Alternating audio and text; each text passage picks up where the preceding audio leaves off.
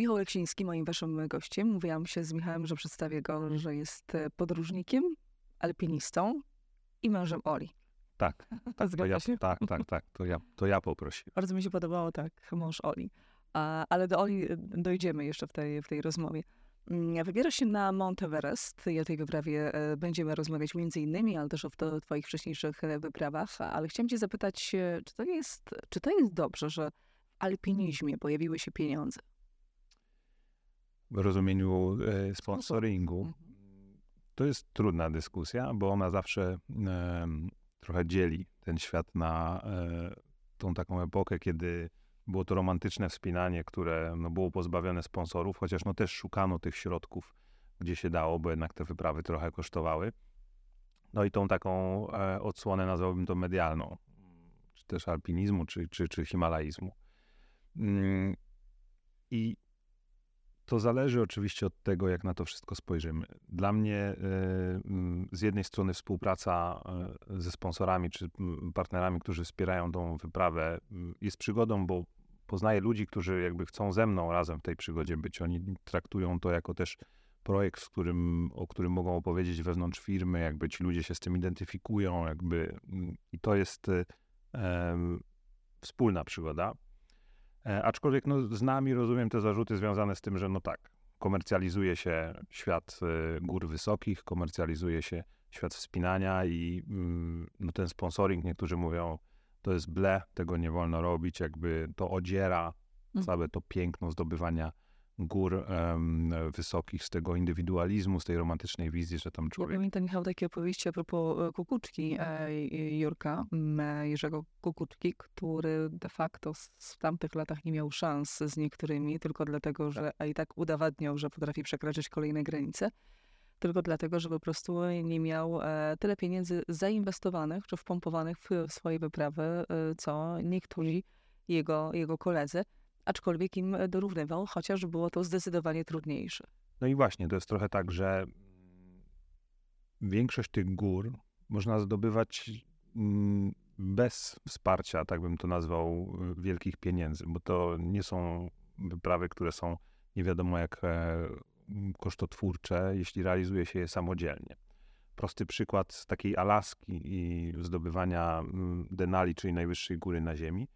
Nie, Boże, na najwyższej góry Ameryki Północnej, gdzie ten koszt wygląda na, w ten sposób. Jeśli pojedzie się z profesjonalną agencją, która no, wiadomo, że współczynnik ryzyka na pewno minimalizuje znacznie i jest się w pewien sposób no, zaopiekowany, bo jednak nie trzeba martwić się o mm, aprowizację, o menu w takim znaczeniu, że nie trzeba tego przygotowywać samodzielnie, tam ktoś już się tym zajął, ma jakby sposoby przygotowane i tak dalej. Aczkolwiek nadal to trzeba wszystko na własnych plecach i saniach wciągnąć, bo to się dzieli na drużynę całą, na zespół. No to ten koszt wyprawy na Alaskę z taką agencją dzisiaj mm, sięga rzędu powiedzmy 10 tysięcy dolarów, czyli 40-45 tysięcy złotych. Sam koszt wyprawy, jeszcze bilety lotnicze i tak dalej. Natomiast jak się robi to samodzielnie, od A do Z, no to ten koszt to jest na przykład 15 tysięcy złotych. No więc to jest jakby 3 albo i 4 razy mniej. E, I tak jest z wieloma górami na świecie. Mm, Oczywiście są takie góry jak Everest, czy taka, takie góry jak Mount Vincent na Antarktydzie, gdzie mm, no, zwykły zjadacz chleba, żeby się tam wybrać, no, te środki są gigantyczne, bo sam, samo pozwolenie na wspinaczkę na Everest kosztuje kilkanaście tysięcy dolarów. Sam papier. Ile pozwolenie. wyprawa będzie Ciebie kosztowała, bo chcesz zdobyć Everest e, w kolejnym roku? Tak, no taki koszt wyprawy to jest między powiedzmy 150 a ponad 200 tysięcy złotych. Mm, I co się w tym mieści?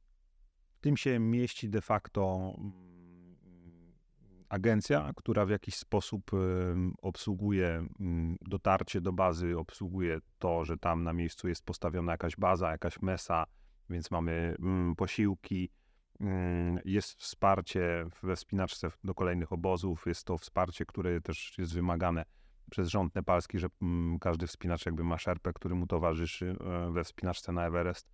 E, Jest tlen, który no, minimalizuje ryzyko. Jakby jest niewielu ludzi na, na Ziemi, którzy, którzy zdobyli Everest bez tlenu. Ja jakby nie zamierzam tutaj tego ryzyka sobie zwiększać.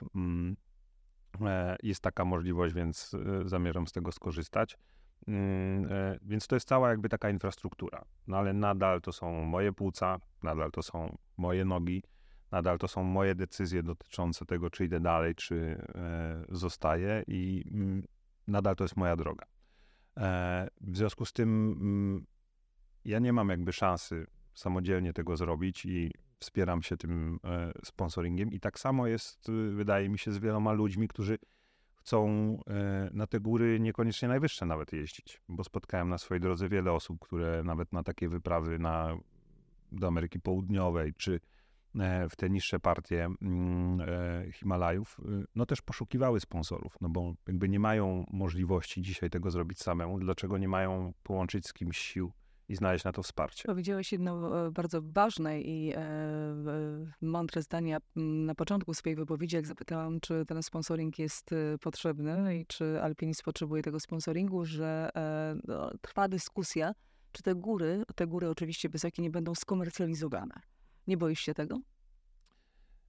Na pewno doszliśmy do jakiegoś takiego etapu, w którym oczywiście widzimy niektóre obrazki z Himalajów czy z innych gór, gdzie, gdzie tych ludzi jest dużo. No wystarczy przytoczyć takie proste statystyki, że na Kilimandżaro rocznie próbuje wejść 35 tysięcy osób, bo jest to taka góra, która jest, wydaje się stosunkowo dostępna, no ale magiczna, no bo to jest dach Afryki.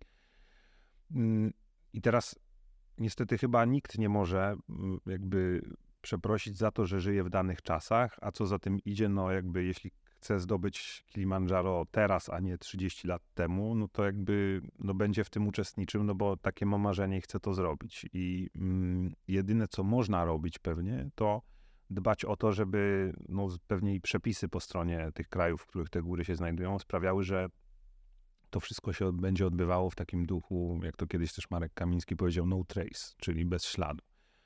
I to jest chyba najtrudniejsze w tym wszystkim, bo o ile na przykład, co jest interesujące na Alasce czy na Antarktydzie, to jest bardzo restrykcyjnie jakby realizowane. To znaczy tam każdy papierek, każdy mm, dosłownie element, który ze sobą mm, zabieramy, musimy jakby przywieźć z powrotem. I to musi być jakby, e, to musi zniknąć z góry. I to sprawia, że potem jak e, podróżujemy po takim pustkowiu antarktycznym, czy, czy po, po tych e, pustkowiach e, Alaski, no to czujemy się jak na innej planecie, bo tam nic nie ma, bo rzeczywiście nie ma żadnego śladu. W Himalajach pewnie jest z tym problem, bo to nie jest tak mm, zabezpieczone i tak się o to nie dba niestety. Która to będzie twoja góra? W ramach Korony Ziemi, e, czyli tej, tego wyzwania zdobywania najwyższych szczytów e, poszczególnych kontynentów, a tu jest ten trik polegający na tym, że kontynentów jest siedem, no ale gór w tym wyzwaniu jest dziewięć, bo w tej wersji rozszerzonej, bo w Europie są ciągle wątpliwości, czy to Elbrus, czy Mont Blanc. Mm, I wydawałoby się, że Elbrus będzie na jakiś czas zablokowany z uwagi na fakt, że leży na mm, mm, e, Kaukazie, tam w Rosji, ale jednak tam wiem, że docierają grupy przez Gruzję w jakiś sposób e, i zdobywają tą górę. I to samo jest w Australii i Oceanii. Mm, e, Piramida Karstensza w Nowej Gwinei albo Góra Kościuszki, e, czyli dziewięć szczytów na siedmiu kontynentach. To dla mnie to będzie mm, ósmy szczyt, w sensie przedostatni? przedostatni. A potem? A potem e, do trzech razy sztuka, czyli trzecie spotkanie z Alaską e, i spotkanie z Denali, z którego wróciłem w zeszłym roku, pół roku temu miałem tą wyprawę, która też się niestety zakończyła niepowodzeniem, no ale to jest taka góra. Dlaczego? Rozumiem, że warunki Jak się klimatyczne. spojrzy, tak, jak się spojrzy na kulę ziemską, to Denali jest najwyższym punktem na Ziemi najbliżej bieguna północnego e, i położenie tej góry sprawia, że ona ma taki swój mikrosystem e, pogodowy. Ona praktycznie tam tworzy te, tą pogodę z dnia na dzień i strasznie trudno przewidzieć, m, co tam się będzie działo. Mm, My pojechaliśmy tam we trzech w czerwcu i byliśmy już gotowi do ataku szczytowego, to znaczy, że pokonaliśmy jakby większość partii góry i mm, byliśmy gotowi, żeby ruszyć do ostatniego obozu. Tam zdobywanie tej góry polega na tym, że się ląduje awionetką na lodowcu mm, e, jakieś kilkanaście kilometrów od wierzchołka i 4000 metrów niżej niż wierzchołek, bo Denali ma 6190 metrów. I wyrzucają tam człowieka torby, sanie, plecaki i odlatują. I w takim namiocie, powiedzmy, bazowym na tym lodowcu dostajemy jeszcze przydział paliwa swój i tyle. i mraćta sobie, e, idziecie na wyprawę. No i trzeba mieć każdy element jakby przygotowany w sensie i sprzętowo, i w zakresie jedzenia i tak dalej, no bo jeśli o czymś zapomnieliśmy, no to już jakby pomakale, w sensie, że już tego się nie, nie, nie zmieni. Mm. I taka wyprawa zajmuje no 14-20 dni w zależności od pogody. Nam po prostu pogoda nie pozwoliła, bo w pewnym momencie na wysokości około 5000 metrów warunki były takie, że no nie dało się po prostu tego przejść i wiedzieliśmy, że zbliża się kolejne załamanie pogody, a które będzie trwało x dni i no to już jest jakby trochę mm, granie warta świeczki, no bo musielibyśmy 7-10 dni czekać, e, a tyle czasu po prostu nie mieliśmy. Ale jednak dotarliście tam. Co się czuje i co się dzieje w e, twoich emocjach, w twojej głowie, jak wiesz, że cała wyprawa jest przygotowana. Mm, właściwie brakuje ci, nie chcę powiedzieć, że tyle, no ale nie, niewiele do, do zdobycia e, tej góry, ile trzeba mieć w sobie samozaparcia, żeby jednak nie pokusić się i nie spróbować. Y Teraz paradoksalnie to było stosunkowo proste, w sensie, mm, bo ja byłem na tej górze w 2018 roku i mm, wtedy byłem z agencją. Hmm. I wtedy zdecydowaliśmy się o odwrocie, stojąc na grani szczytowej, no 70 metrów poniżej szczytu, a dystansu może było 300 metrów do wierzchołka.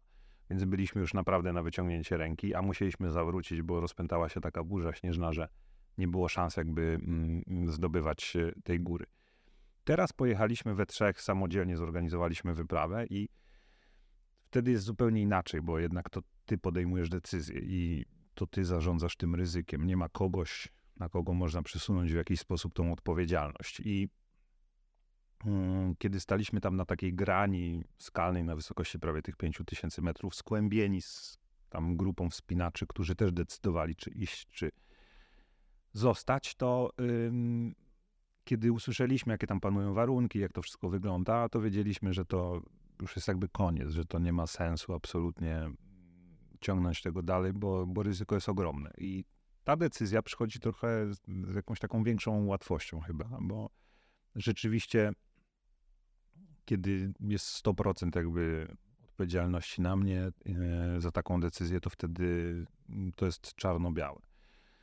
Plus tak naprawdę to, co było smaczkiem tej wyprawy, to się dopiero wydarzyło, bo się wydarzyło na zejściu. Nasz zespół e, w pewnym miejscu niestety mm, w trudnych warunkach schodziliśmy na dół i e, jednego z nas podciął wiatr, dosłownie podmuł wiatru.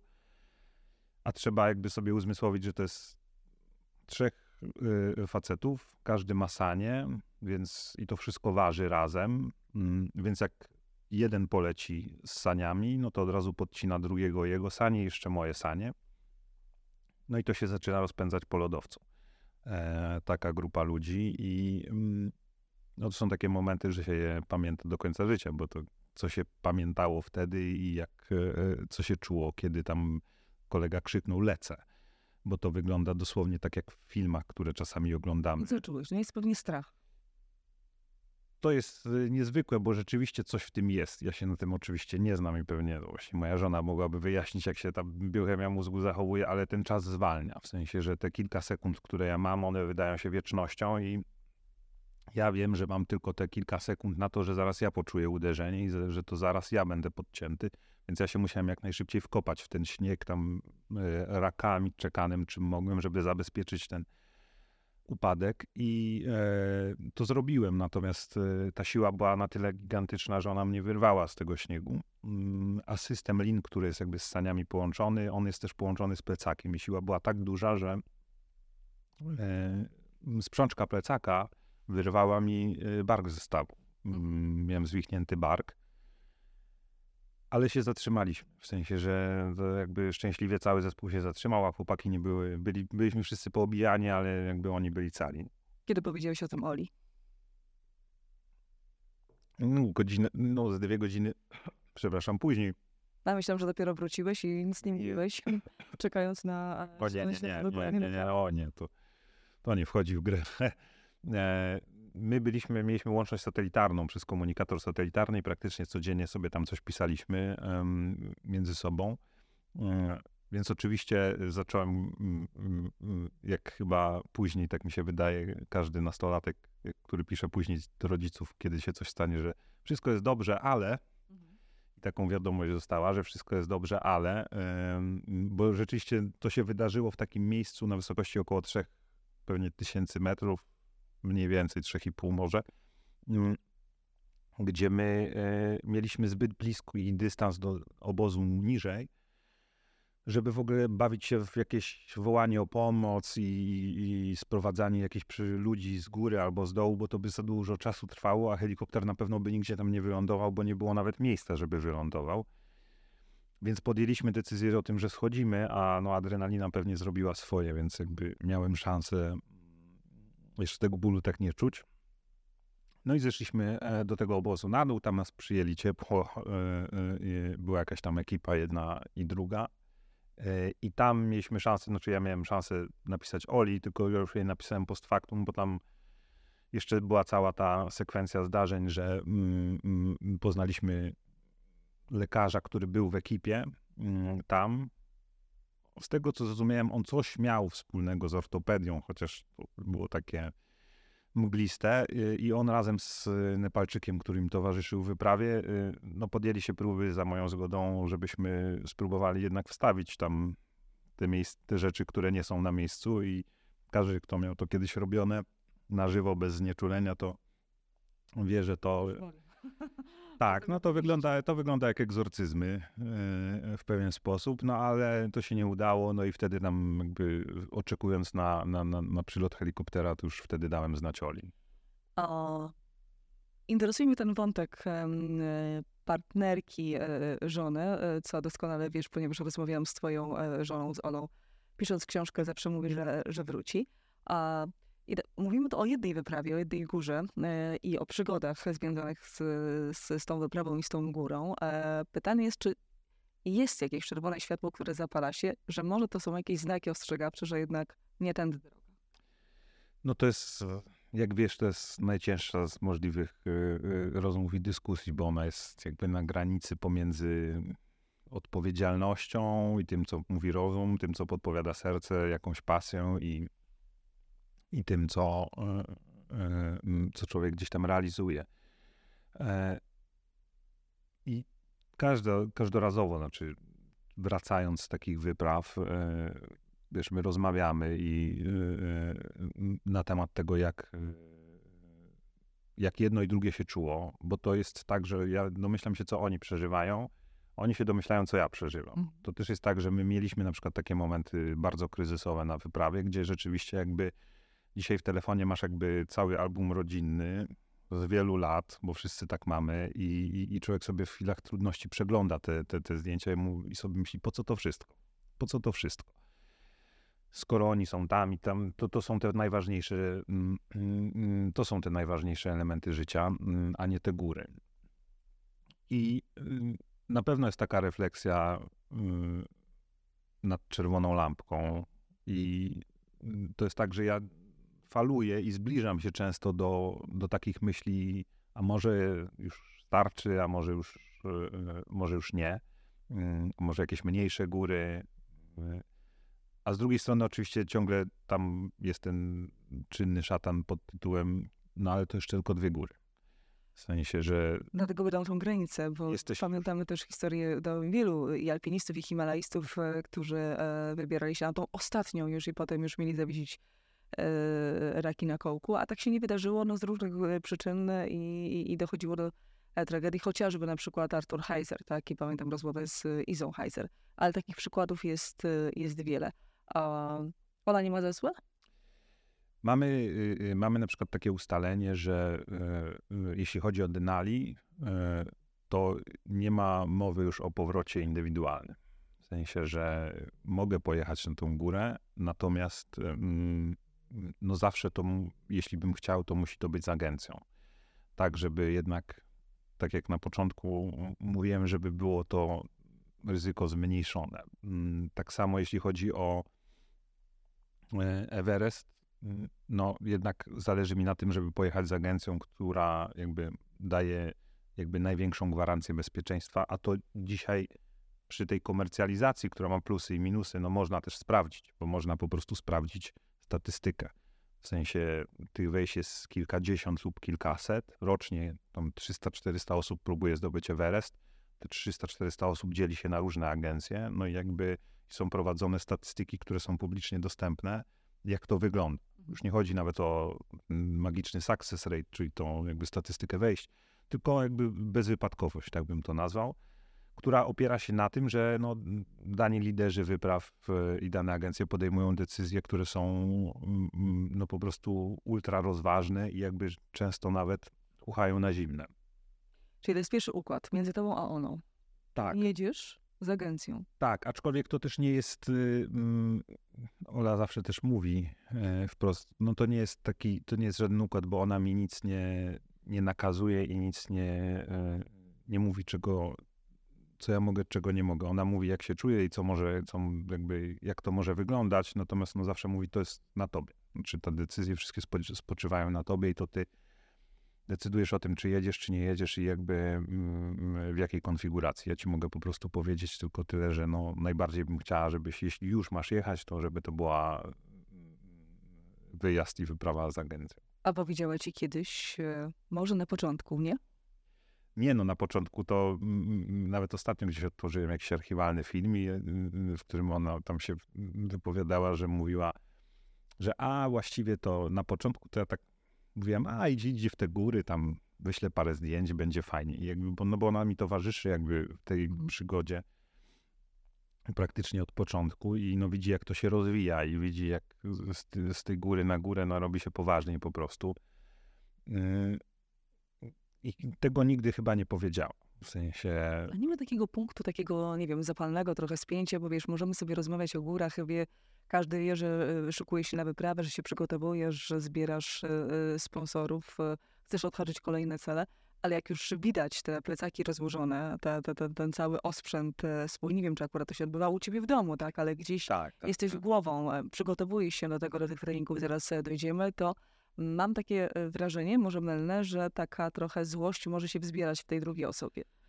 I pewna niechęć. M może tak być, chociaż też to jest tak, że Mm, prawdziwą sztuką w kontekście, wiesz, ja jestem strasznie obecny w domu, w sensie, że jakby to jest dla mnie tak kluczowa, kluczowa rzecz i to jest ten plus i minus, bo będąc super obecnym tatą i partnerem, siłą rzeczy, kiedy cię nie ma, to widać to. I jakby jest to odczuwalne, no więc jakby to jest to coś za coś. E, więc ja uważam, że sztuką to jest właśnie zrobienie tego w taki sposób, żeby no, pewne rzeczy na tyle zaplanować, um, również im. W znaczeniu to są drobne rzeczy, ale um, przykładowo, jadę na Denali, to są trzy tygodnie. Trzy tygodnie mnie nie ma. W związku z tym, a oczywiście wpadają rodzice, którzy od czasu do czasu pomagają, E, ale też na przykład no, jednak decydujemy się, że mamy zaprzyjaźnione osoby, którym możemy przekazać e, naszego białego wilka, Arię, która no, jakby potrzebuje się wybiegać e, raz dziennie przynajmniej. No a te spacery o 7 rano czy o 23 no, są problematyczne, jak jesteś sam, sama z dzieciakami. Więc i nagle się okazuje, że to w gigantyczny sposób odciąża. Mhm. Jak... Czyli tworzycie jakiś grafik. Tak, tak. No jakby staramy się, żeby ten czas był na tyle zaplanowany i na tyle jakby mm, ogarnięty, że, y, że te, ta nieobecność jest jakby niewidoczna. No, największy... Przy Everestie będzie o wiele trudniej, bo to, no, to jest... nie będzie trwała trzy tygodnie, ale... Ale osiem. Mieliśmy osiem, czyli dwa miesiące. Osiem, tak. No to jest osiem tygodni i to jest chyba największe wyzwanie tego całego, no, oprócz finansowania, to to jest największe wyzwanie całego tego projektu, to jest no, za, za, zaplanowanie ośmiu tygodni nieobecności po prostu, no bo to są dwa miesiące. Część z nas jakby mm, nie umie, e, że tak powiem, bez pracy w ogóle trzymać pewnie dwóch, trzech tygodni, ale no mm, już nie mówiąc o tym, o braku internetu, chociaż akurat tam on jest. Natomiast no jakby to jest ogromny okres czasu, no bo to jest, jak mój syn mówi, 8 weekendów to już dużo. I um, jeszcze nie wiem, jak to będzie. W sensie jakby nie wybiegam aż tak w przyszłość, bo no tak jak rozmawiamy, są pewne kroki i jak dopiero pewne rzeczy będą pewne na horyzoncie, to wtedy zaczniemy o nich myśleć. Dzisiaj to jest jednak cały czas planowanie. Zanim o jeszcze o wyprawie na Everest i przygotowaniach jest jeszcze wiele wątków, które chciałam z poruszyć, to jeszcze takie pytanie pamiętam, jakie pojawiało się, albo nawet w komentarzach e, takie stwierdzenia, które pojawiały się chociażby po e, rozmowie z Olą czy z innymi partnerkami, żonami himalajstów, alpinistów, to e, nazwałabym to nawet hejtem w waszą stronę, doskonale pewnie znanym ci. Po co w ogóle wtedy mieć rodzinę? No tak, to jest. Y, ciężko z tym dyskutować. W sensie, że rozumiem ten zarzut, jakby, bo sam powtarzam, że wspinanie, chodzenie po górach w różnym wymiarze, ale jest jedną z bardziej egoistycznych rzeczy, um, jaką można robić, no bo to jest jakby samodzielne. Jeśli się nie pokonuje pewnych rekordów, jeśli się nie robi tego w sposób taki, że eksploruje się, nie wiem, odkrywa się nowe ściany, nowe drogi na górach, robi się coś na czas, no to jakby to ca cała ta zabawa jest to egoistyczna, no bo to ja idę na tą górę. Krzysiu Bielicki powtarzał takie zdanie swego czasu, też pamiętam w rozmowie nieraz z nim, że e, każde wejście w górę, mówię o tych górach wysokich, to jest jak wejście po śmierć. I, mm, mm, I trochę jest tak, że jak już się tam pójdzie, się tego zazna, no to albo się jakby wchodzi w to i, i wpada się w to i to już jest jakby pozamiatane. Pewnie tak jest też w moim przypadku, bo, bo ten świat, te emocje, to od czego się tam jakby, co się odkrywa i czego się doznaje, jakby, no tego się tutaj nie dostanie. E, e, z drugiej strony... Przecinek. To, co odkryłeś, czego doznałeś tam, czego nie dostaniesz tutaj na, na, na, na, na ziemi, w sensie na, na e, u podnóża góry. Wiesz co? Takiego jest. Jedna rzecz to jest to, co towarzyszy ci, jak wchodzisz na szczyt. Czym jest, no ten poziom jakby euforii jest, który głównie jakby w moim przypadku jest okraszony łzami, no ale to jest jakby coś, czego się nie da w żaden sposób słowami nawet opisać. Kiedy widzisz ty, te ostatnie kroki, mm, pokonujesz na, na, na wierzchołek każdej góry, nieważne jakiej, nieważne czy wysokiej, czy niskiej, to jest coś, coś niesamowitego, bo jakby czujesz to osiągnięcie, które którego dokonałaś jakby siłą własnej woli, bo to często jest jakby w dużej mierze wola pozwala to zrobić, a nie mięśnie nawet, bo to trzeba wielokrotnie jakby z własną głową walczyć. Mm.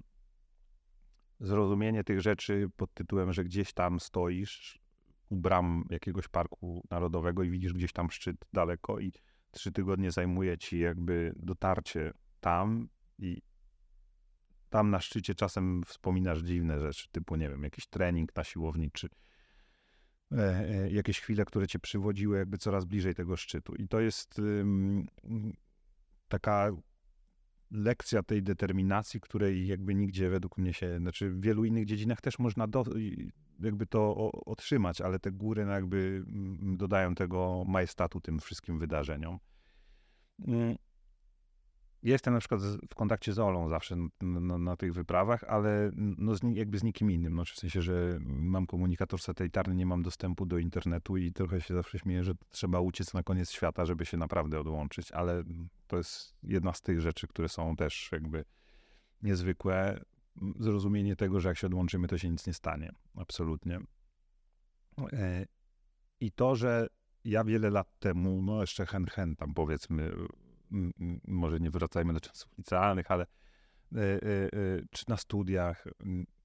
No wiesz, ja mam taką zwykłą historię, w sensie, że jakby ja nie byłem nikim sportowym, wręcz odwrotnie, znaczy jakby moje wyjścia sportowe to były dramaty zazwyczaj i w pewnym momencie pamiętam, że nawet rodzice mm, śmiali się, że będą, że kupią moim znajomym taką apteczkę ratunkową na każde wyjście ze mną na boisko czy gdzieś, no bo to się często kończyło po prostu realnie szpitalem. E, I no nic jakby nie wskazywało na taką drogę i długo, długo nic. Oprócz tego, że masz ADHD. No, w jakiś sposób. Ale nic nie wskazywało na, wiesz, na, na taką drogę, tak ekstremalną i, i, i, też jeśli chodzi o wysiłek sportowy. Mm, a jednak. I, I pamiętam też słowa e, mojego ukochanego, bo mówię to jednak z dużą miłością dla niego, e, Grzesia, który był jednym z moich takich pierwszych trenerów wspinania, który kiedy na początku tego mojego projektu Korony Ziemi z Fundacją Happy Kids, no bo jest ten wątek oczywiście, to, mm, to on, jak ja mu wspominałem o tej Antarktydzie, to on się pukał w głowę i mówił, Misiu, no gdzie? Mhm. to, po pierwsze, to jest Antarktyda, po drugie, co ty masz z górami wspólnego, a po trzecie, żeby to zrobić, wiesz, to trzeba mm, mm, ogromne kwoty pieniędzy zgromadzić, ten sponsoring i tak dalej, no przecież to nie dasz rady. No więc z pewną satysfakcją wysłałem mu film z Antarktydy z, poz z pozdrowieniami po zdobyciu tej góry, ale no śmieję się teraz, natomiast y, mm, no przekraczałem własne granice wielokrotnie w takim znaczeniu też y, tej determinacji poddawania się wstawania, poddawania się wstawania, poddawania się wstawania. I, dla mnie ten fakt, że, e, e, że gdzieś obok jest fundacja y, z Łodzi, która teraz już 20 rodzinnymi domami dziecka się opiekuje i ten nasz projekt e, najróżniejsze odcienie miał, bo zarówno czasami sponsorzy jakby których ja zachęcałem do współpracy ze mną, jakby przekierowywali swoją uwagę na, na fundację i tam jakby lokowali środki, co było super. Czasami ja bezpośrednio lokowałem środki. Czasami znajdowałem firmy, z którymi tak jak niedawno, e, no niedawno, no na jesień mm, robiliśmy obóz spinaczkowy z dzieciakami. 15 dzieciaków wzięliśmy na Jurę krakowsko-częstochowską i spinaliśmy się kilka dni. Mm. E, czasami jest tak, że ja przychodzę do firmy, która mm, na przykład mnie wspiera i opowiadam im o tym wszystkim i opowiadam im na przykład o mechanizmach pieczy zastępczej i tego całego systemu, jak on działa, i tego, że na przykład no, jest pewna luka, taka wyrwa w tym całym systemie związana z tym przygotowywaniem młodych ludzi do usamodzielnienia i ten proces usamodzielnienia związany z mieszkaniami treningowymi, no wiąże się na przykład z tym, że jedną z potrzeb, no taką mm, sporą potrzebą jest na przykład mm, no, posiadanie mieszkań treningowych czyli już samych jakby nieruchomości, żeby ci młodzi ludzie mogli jakieś mieszkanie tam wynająć po kosztach, żeby no tam zamieszkać, opiekun ich dogląda, a oni jakby usamodzielniają się, przygotowują się do tego samodzielnego życia. I po takiej historii nagle pan prezes, pani prezes mówi, ja mam mieszkanie w Warszawie. Skontaktuj mnie, przepisujemy umowę i ja eksmituję tam tą osobę, która akurat teraz tam jakby jest i udostępnię to dzieciakom. I to się już zdarzyło nie raz, nie dwa. Taka sytuacja. Więc jakby dużo dobrego się dzieje i mógłbym na te góry chodzić jakby samodzielnie, w sensie szukać tych sponsorów, a mogę to robić razem z fundacją i wielokrotnie jakby pomagać im przy tym też dodatkowo. I może to jest ten mechanizm, którym ja jakby próbuję walczyć trochę z tym mm, elementem związanym z egoizmem z górami. W sensie, że oddawać to, co, to, co mogę dalej. Mm. Ale rzeczywiście wracając do tego, bo nie unikam go, trudnego pytania związanego z, z, rodziną, no to jest trochę tak, że mm, możemy żyć w życiu i coś robić, a możemy to życie po prostu przeżyć. I e, to jest też trochę tak, że e, nie wyobrażam sobie, e, zresztą nawet to chyba Ola mnie, z Olą o tym rozmawialiśmy, żeby na przykład było tak, że, że kiedyś usiądziemy i dzieciaki będą miały tam 15-20 lat i powiedzą, tato, a to jak to było z tymi górami? No dlaczego, wiesz, dlaczego to przerwałeś? Mhm. Nie wyobrażasz sobie? I, i, I ja im powiem, no wiecie, bo no, trzeba było dokonać wyborów, bo to wy przyjście na świat i trzeba było dokonać tego e, e, e, wyboru i przerwać ten projekt na przykład. Bo jednak no, o marzenia w jakiś sposób warto walczyć. I warto pokazywać im też, że no de facto mogą wszystko. Bo skoro ja, zaczynając od zera kompletnie, jakby nie chodząc po górach, nic, dzisiaj jakby marzę i już śmiało mówię o Everestie, a jestem za, za hen, hen jakąś ilością tam gór, które zdobyłem, e, to wyobrażam sobie, że to też jest dla nich jakiś tam przykład, że... Gdyby było w odwrotną stronę, już nawet nie mówię o czasie, którego, ci, którego nie, ciebie nie będzie, w, przy Everestie będą to, będzie to 8 tygodni, te wyprawy teraz oczywiście na przestrzeni wielu lat one się skróciły, prawda, to już tak. są 3 miesiące, 2 miesiące, to rzadkością pewnie jest, ale to jest kilka tylko tygodni. Natomiast gdyby przyszła i powiedziała w wieku 15 lat, że tato, już udowodniłeś, że zdobyłeś tą górę, tamtą i tak dalej, że może jednak wystarczy, albo nie chcemy, żebyś... To nie, to no tak, to jest, to, to jest oczywiście y, trudne, bo mm, nie wiem, jakbym ci dzisiaj odpowiedział i nie wiem, co im bym odpowiedział, e, mm, jakby sformułowały taką prośbę. Mam poczucie, wiesz, to jest też magia, mm, to jest też trochę magia mm, tych mediów społecznościowych i, i, i magia tych czasów w negatywnym tego słowa znaczeniu, że żyjemy w takim trochę świecie instant i w świecie jakby też flashbacków pod tytułem, że publikujemy różne rzeczy na mediach społecznościowych, które, które sprawiają, że jest jakby, wiesz, wrażenie, że mm, jesteśmy ciągle w ruchu i y, że tak naprawdę no, nie mamy tego mm, w dużym mm, cudzysłowie nudnego życia, takiego... ciągle coś się dzieje. Tak, ciągle coś się dzieje. Projekty realizujemy, tu wyprawy, wyjazdy i tak dalej. Mm. I ja też się złapałem e, na tym i wpadłem w, tego, w, to, w taką pułapkę, że ktoś kiedyś zadzwonił do mnie i powiedział: O, świetnie, to jesteś w Polsce. Mówię, większość czasu jestem w Polsce, generalnie bardzo rzadko jestem za granicą. I, ym, ale no, media społecznościowe jakby trochę dawały inny obraz. I ym, tak też jest z tymi górami, że te wyprawy w moim przypadku, one też są super rzadkie teraz. W sensie, że ja szczęśliwie większość korony ziemi zrealizowałem em, e, Przed urodzeniem? tak, przed urodzeniem dzieci i się i y, jakby teraz jakby została, została już tylko końcówka i no miałem też szczęście, że na przykład 2018 rok piramida Karstensza, mm, no to jest góra, którą zdobyło kilkaset ludzi na ziemi tak naprawdę w Nowej Gwinei i od tamtego czasu prawdopodobnie, chociaż no nie śledzę tego aż tak wnikliwie, ale od tamtego czasu, czyli już 5 lat, może z drobnymi przerwami, ale raczej nie, e, raczej nieprzerwanie, ta góra jakby nie da się na nią wejść z powrotem z uwagi na sytuację geopolityczną e, na Nowej Gwinei i tam pewnego rodzaju ruchy separatystyczne i tam plemiona, które w dżungli próbują się troszkę e, e, e, zasadzić na, e, na podróżujących w tamte rejony. W związku z tym agencja, jest ich tam jedna czy dwie, które oferują jakby możliwość tych wypraw na tą górę, jakby przestały w ogóle świadczyć te usługi, więc y, mm, większość tego już za mną i no jakby liczę, że wiesz, dwie wyprawy i potem już tylko niskie góry. Nie, pewnie nie koniec, bo jakby to wszyscy mi mówią. No to, to powinien, powinniśmy zaznaczyć ten fragment dla Oli. Nie, ona też mnie zna i wie, że to jest tak, że to jest tydzień, dwa, potem pewnie coś bym wymyślił, ale to też jest tak, że mm, tylko ja wiem, jak ten projekt mentalnie konsumuje człowieka. W sensie nie ma dnia i nie ma godziny, kiedy ja jak, jakiejś części zasobów głowy nie poświęcam na myślenie o tym i zastanawianie się, tak, inaczej, sponsorzy, nie sponsorzy, czyli jakby trening, nie trening i tak dalej, i tak dalej. Yy, I na pewno to uwolni jakieś ogromne zasoby, natomiast to też jakby mentalne, ale to też nie będzie tak, że yy, ja się rzucę znowu w jakiś taki duży projekt. Znaczy to w sensie to wiem na pewno, że może jakieś tam sobie rzeczy będę robił.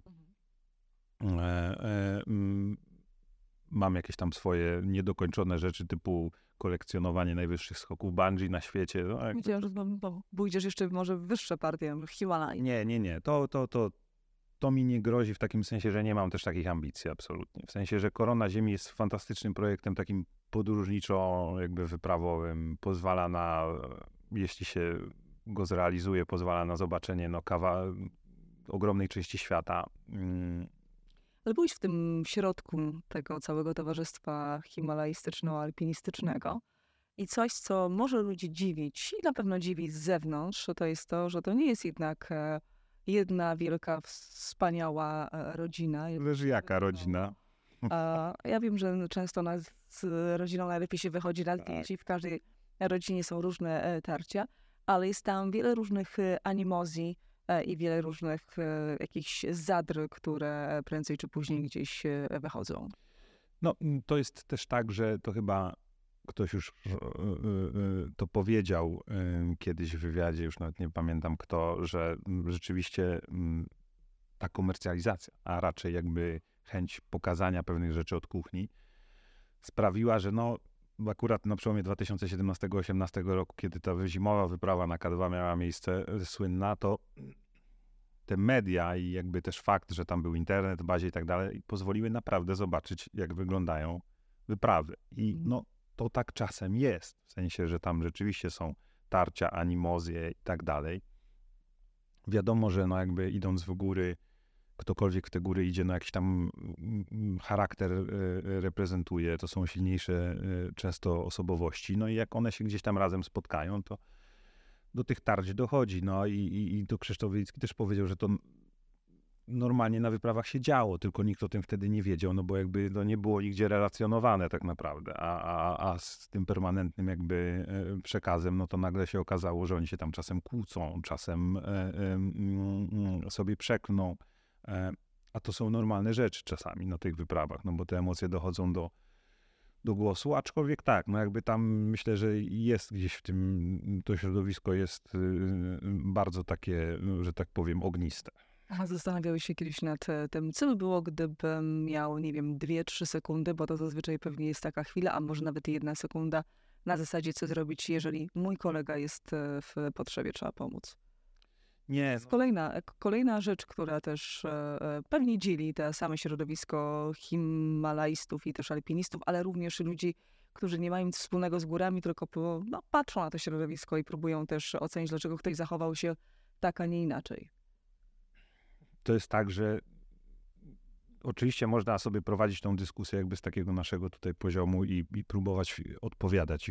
Jakby ta etyka, etos jakby nakazuje odpowiedzieć, że Jeden zawsze tak, oczywiście. I to, i to, i to i, wiesz, no, ja byłem na takich wyprawach nawet teraz na tym Denali, gdzie to było jasne, że jak na przykład jak rezygnujemy, to rezygnujemy wszyscy, nie ma żadnych tutaj ro- rozdziałów, y, y, że się dzielimy jakby. Y, Była jedna sytuacja, którą sobie, i to też było bardzo jasne, y, że my o tym wszystkim rozmawialiśmy, będąc na Alasce, na kawie gdzieś usiedliśmy i rozmawialiśmy o, ustaliliśmy graniczne sytuacje, w których na przykład możemy e, y, y, jedyną sytuację, w której dopuszczaliśmy podział zespołu trzyosobowego, czyli tak naprawdę 2-1, to gdyby na przykład ktoś y, uznał po prostu, że no nie chce, ale nie z powodów zdrowotnych, tylko mentalnych bardziej, jakby iść na górę i w jednym z obozie, w jednym z obozów tam na wysokości 4300 metrów, gdzie jest zaplecze też medyczne, gdzie są rangersi i tak dalej,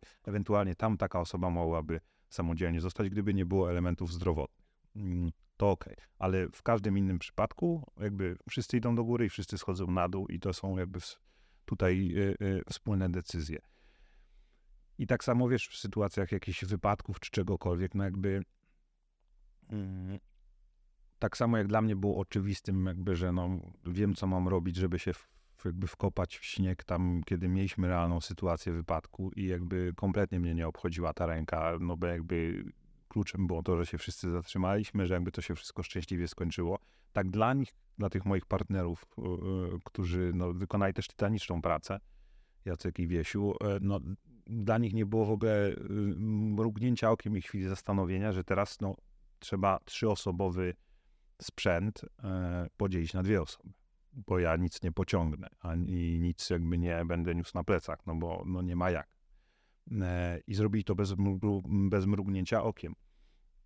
E, Natomiast jeśli chodzi o takie decyzje, wiesz, tam na samej górze,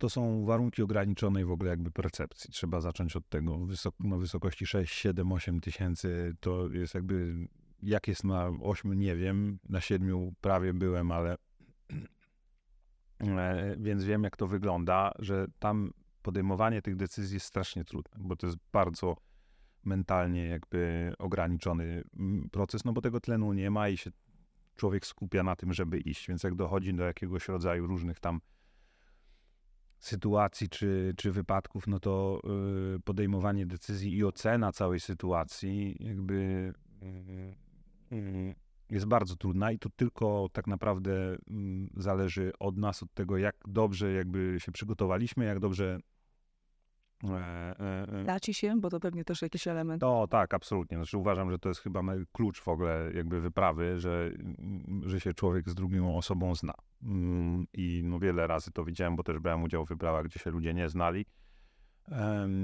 I teraz tak jak my byliśmy na przykład, no to jest fantastyczne. My się znamy, wiedzieliśmy, że w tym składzie jakby nie ma szans na kłótnie, po prostu nie ma.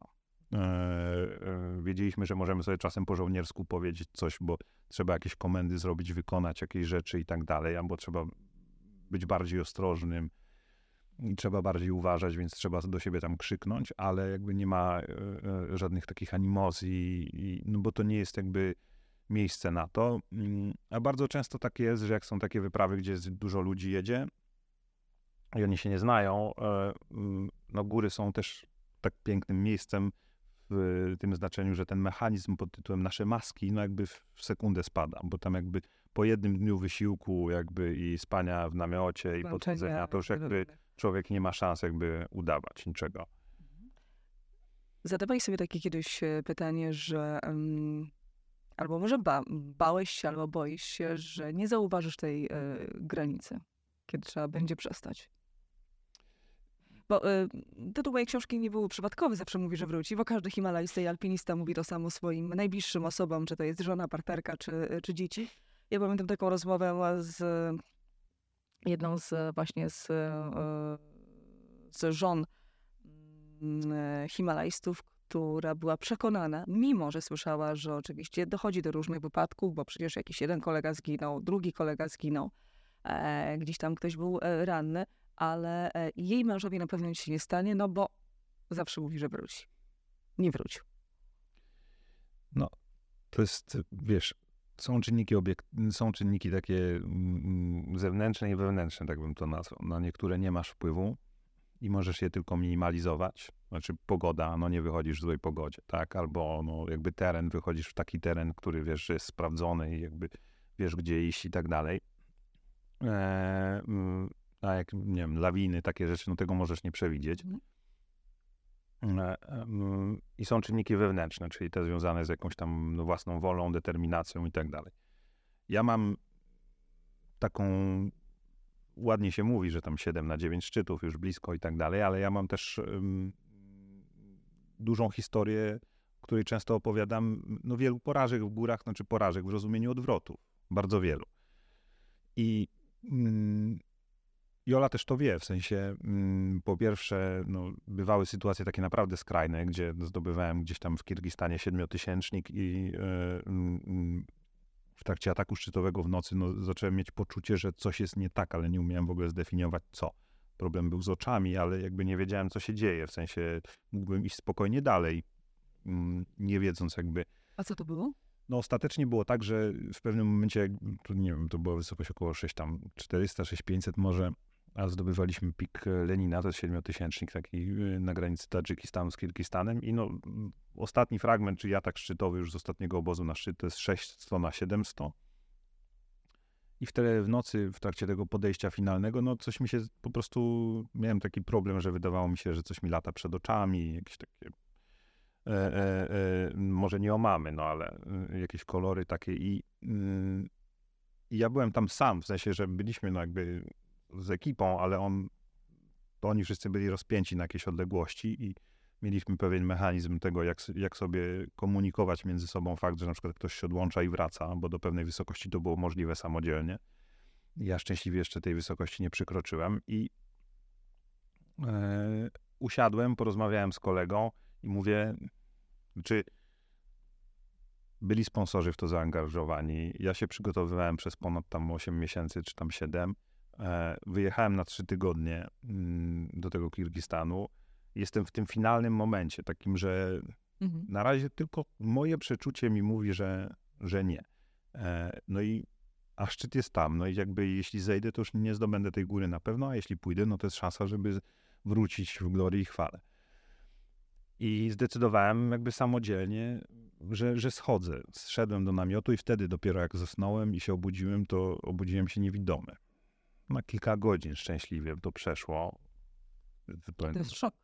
Jest szok, ale zawsze pytają, no i co wtedy, no i co wtedy? Ja mówię, no poszedłem spać dalej. Jakby nie do końca wiedziałem, co się dzieje. Byłem trochę przerażony tym, ale mówię, no dobra, no jakby nic, nie zrobię teraz nic z tym, w sensie tak czy inaczej muszę czekać, na, jak, jak wróci ekipa. Poszedłem spać, pospałem jeszcze trochę i zauważyłem, że jak się obudziłem, to już jakieś kontury zaczęły pojawiać, więc jakby zrozumiałem, że to się prawdopodobnie co. Do tej pory nie wiadomo, w sensie, że to albo mógł być jakiś mikrouraz tam nerwu wzrokowego, albo przemrożenie nerwu wzrokowego na przykład. To jakieś takie mm, mm, mm, rzeczy mogły się zadziać.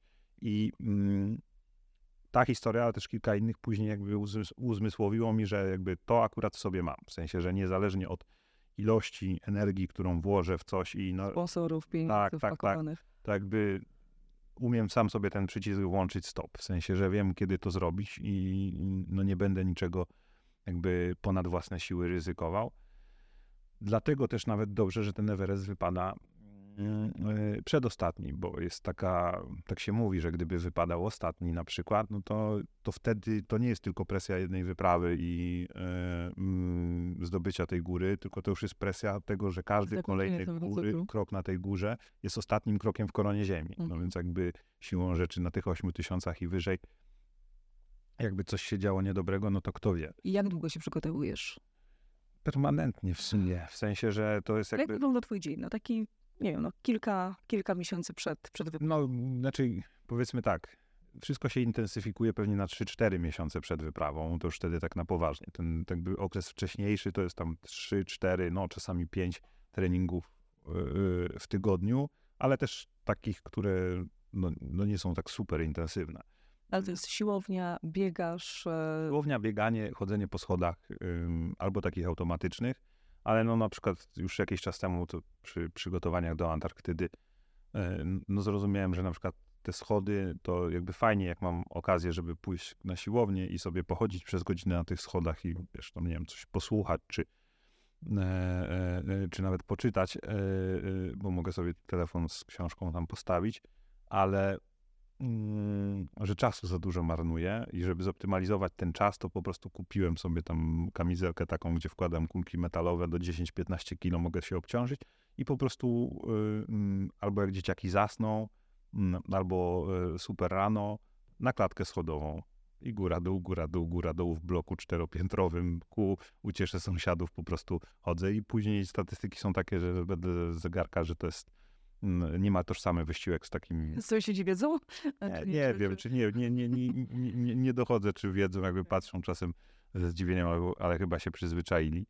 Mm, I to się intensyfikuje im, im dalej, inaczej im bliżej. Wiedzą, że schody są takie kluczowe. tak, bo podobno, znaczy w sensie jakby się y, y, spojrzeć, to już taka jakaś taka wiedza bardziej pewnie fizjonomiczna, że jak spojrzeć na bieg, to bieg jednak posiada takie mm, mechanizmy ruchu pod tytułem, że no dwie nogi się wybijają, są w powietrzu w, pewien w pewnym momencie, mm, to obciąża bardziej stawy i tak dalej. No to nie jest naturalna fizjonomia do tego, jak się chodzi w górach, krok po kroku, mhm. gdzie się wychodzi z jednej nogi i na drugą się staje i znowu się wychodzi.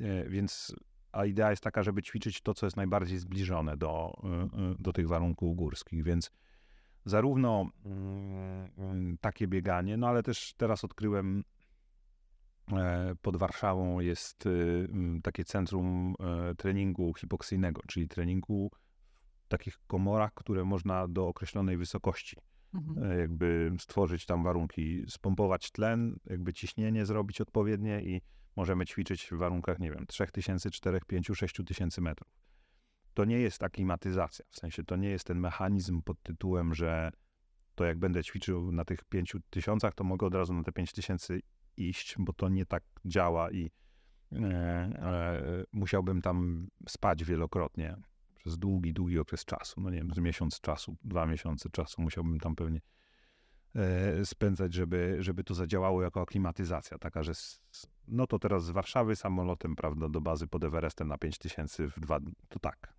to, to, to, to może by tak zadziałało.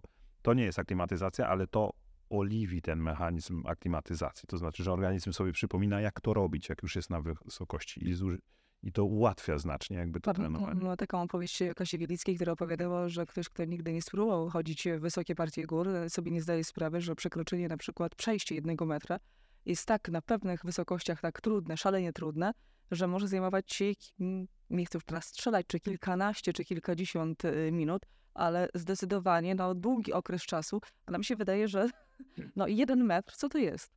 To jest, y, pamiętam jak y, swego czasu no, Kilian Jornet, który jest biegaczem górskim, miał taki, takie wyzwanie, że on no, wbiega na te wszystkie góry, bo jest taką maszyną wytrenowaną i, e, i tym się specjalizuje. No i też podjął wyzwanie wbiegnięcia na Everest. E, I komuś pokazywałem ten film z tej górnej partii, tych 8 tysięcy, jak on tam rzeczywiście, no powiedzielibyśmy, że takim troszkę szybszym tempem idzie. No i ktoś mi powiedział, no jakie to jest bieganie?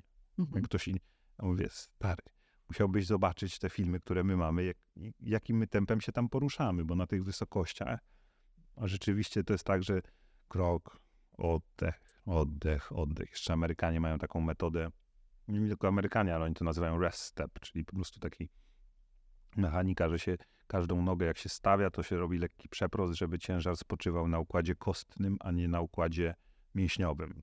Mm, I dzięki temu jakby to się wydaje nic, ale jak pomnożymy to razy ileś tysięcy tych kroków, które wykonujemy tam y, y, na górze, to rzeczywiście to jakiś efekt może przynosić. I no, tam się idzie ogromnie, jakby z ogromnym wysiłkiem i ten jakby poziom powolności, no dlatego to tyle trwa, bo z tego co pamiętam, to dystans, taki przewyższenie na Everestie z ostatniego obozu na szczyt, to jest około 800 metrów, tam 900, powiedzmy mniej niż 900 metrów. Czyli jakby 900 metrów w pionie trzeba pokonać, ale dystans, który trzeba pokonać do przejścia, to jest chyba mniej niż, no na pewno mniej niż 2 kilometry. I no to 2 kilometry. No to szybki, znaczy nasz nie truch, tylko chód, to jest jakieś 8-9 pewnie mhm. minut na kilometr. Tak? No to 2 kilometry moglibyśmy przejść 20 minut, 25 minut, tak? E, po płaskim. No to jak dojdziemy, doliczymy w górę, no to powiedzmy, że to jest, y, dajmy na to, że to godzina, nawet półtorej niech będzie, żeby te 800 metrów, 2 kilometry zrobić. Tam to się idzie 10-12 godzin. E, I to wynika po prostu z tempa e, poruszania się. Więc jakby to ciężko to wszystko jakby ilość tych czynników zobrazować, co tam się dzieje. Ile ci brakuje do wyprawy? Czasu czy pieniędzy? Pieniędzy. Zaczęliśmy od sponsoringu, to zadoczmy koło. A! Nie, no dopiero zacząłem, więc tak naprawdę jestem na etapie takim bardzo mozolnym, związanym z wysyłaniem tych ofert sponsorskich i, i yy, sianiem tej idei, tak bym to, to nazwał. To jest też długi okres, bo to jest tak naprawdę za rok, więc zdaję sobie sprawę, że część jakby firm może nie mieć jakby takiej perspektywy. Z drugiej strony, no być może jest część, która taką perspektywą chciałaby zagrać pod mhm. tytułem pokazać przygotowania, więc y, mm, dopiero startuję. Okay. E, na koniec jeszcze jedno pytanie. Gdyby pewnego dnia ona przyszła do ciebie i powiedziała, że ona też chce iść na zdobyć albo zacząć zdobywać siedmiotysięczniki, to co byś powiedział? Znaczy nie, nie, nie zastanawiam się, bo odpowiedź jest oczywista. To znaczy, tak jak mm, w pewnych momentach tego projektu to ona była i jest ostoją moją, w sensie takim, że ja miałem momenty, w których myślałem, że się poddam i to ona nie pozwoliła mi się poddać w tym projekcie, to, yy, no to ja jakby działałbym w ten sam sposób. To znaczy, no, głęboko wierzę, że to jest wspólne wspieranie się w marzeniach. I czy to będą siedmiotysięczniki, czy to będzie cokolwiek e, innego, więc e, to jest najważniejsze. Mhm. Pytam, bo z mojego punktu widzenia jest taka oczywista odpowiedź e, i też tutaj piję do Krzysia Bielickiego i do Kasi Bielickiej, która swego czasu i y, do tej pory zapewne się wspina e, i chciała zdobywać różne, mm, e, różne góry na wielu różnych wysokościach i, i opowiadała, jak to Krzysiek był tym głównym, nie wiem co na to Krzysiu, Krzysiu w razie co, przepraszam, słuchałam wtedy jednej strony, ale było takim głównym hamulcowym, że mówił, że nie, to bez sensu i tak dalej, więc ona najpierw musiała przekonać z siebie samą, e, chociaż to, to, to, to było na, na, na najprostsze. Potem musiała przekonać Krzysia, potem ich dziecko, e, więc e, kolejny element, a na końcu jeszcze rodziców, żeby to wszystko pospinać, więc jak już wykonała tą gigantyczną, jak mówi, pracę, to już na końcu jej się, może nie tyle, że nie chciało, ale odbierało to jej taką pierwotną radość, no bo to często, żeby to wszystko pospinać. Często tak jest, że... Ale kto jak kto, ale akurat Krzysiu, czy w ogóle himalajści, alpiniści powinni de facto zrozumieć tą potrzebę marzeń. No, znaczy, tak to według mnie powinno być ułożone. Znaczy, jakby każdy z nas jakby y, y, ma y, marzenia wspólne i mamy marzenia też swoje i to powinno być napędzanie się jakby trochę i wspieranie w tym wszystkim. E, no ale rzeczywiście też jest tak, że te procesy jakby mm, przygotowania, no one są często e, poprzedzają wiele, wiele miesięcy, wręcz lat czasami przy niektórych wyprawach przygotowań i mm, myślę, że to jakby w kontekście tego, co powiedziałaś o odbieraniu mhm. przyjemności, mm. by tego często nie widać. Ja to staram się gdzieś tam pokazywać, że to jest taka codzienna, mozolna praca, no bo jakby na końcu widać jakieś ładne zdjęcie ze szczytu, ale to jest poprzedzone jakąś tytaniczną robotą w domu i, i, i mm, po godzinach gdzieś mm, setkami rozmów, spotkań i staraniem się jakby spiąć ten cały projekt. I jeśli by gdzieś tam nawet tego niewypowiedzianego wsparcia bliskich nie było, to na pewno byłoby to 100 razy cięższe. Mhm. Trzymam kciuki. Mam nadzieję, że w 2025 roku e, również będzie podcast Zdanowicz pomiędzy wrasami i wtedy zobaczymy się, żebyś mógł opowiedzieć i pokazać już zdjęcia e, z wyprawy i z ataku tego szczytowego. E, a być może wtedy otworzą się jeszcze kolejne. Trzymam kciuki też za to. Kolejne, kolejne możliwości. Michał, piękne dzięki. Dziękuję.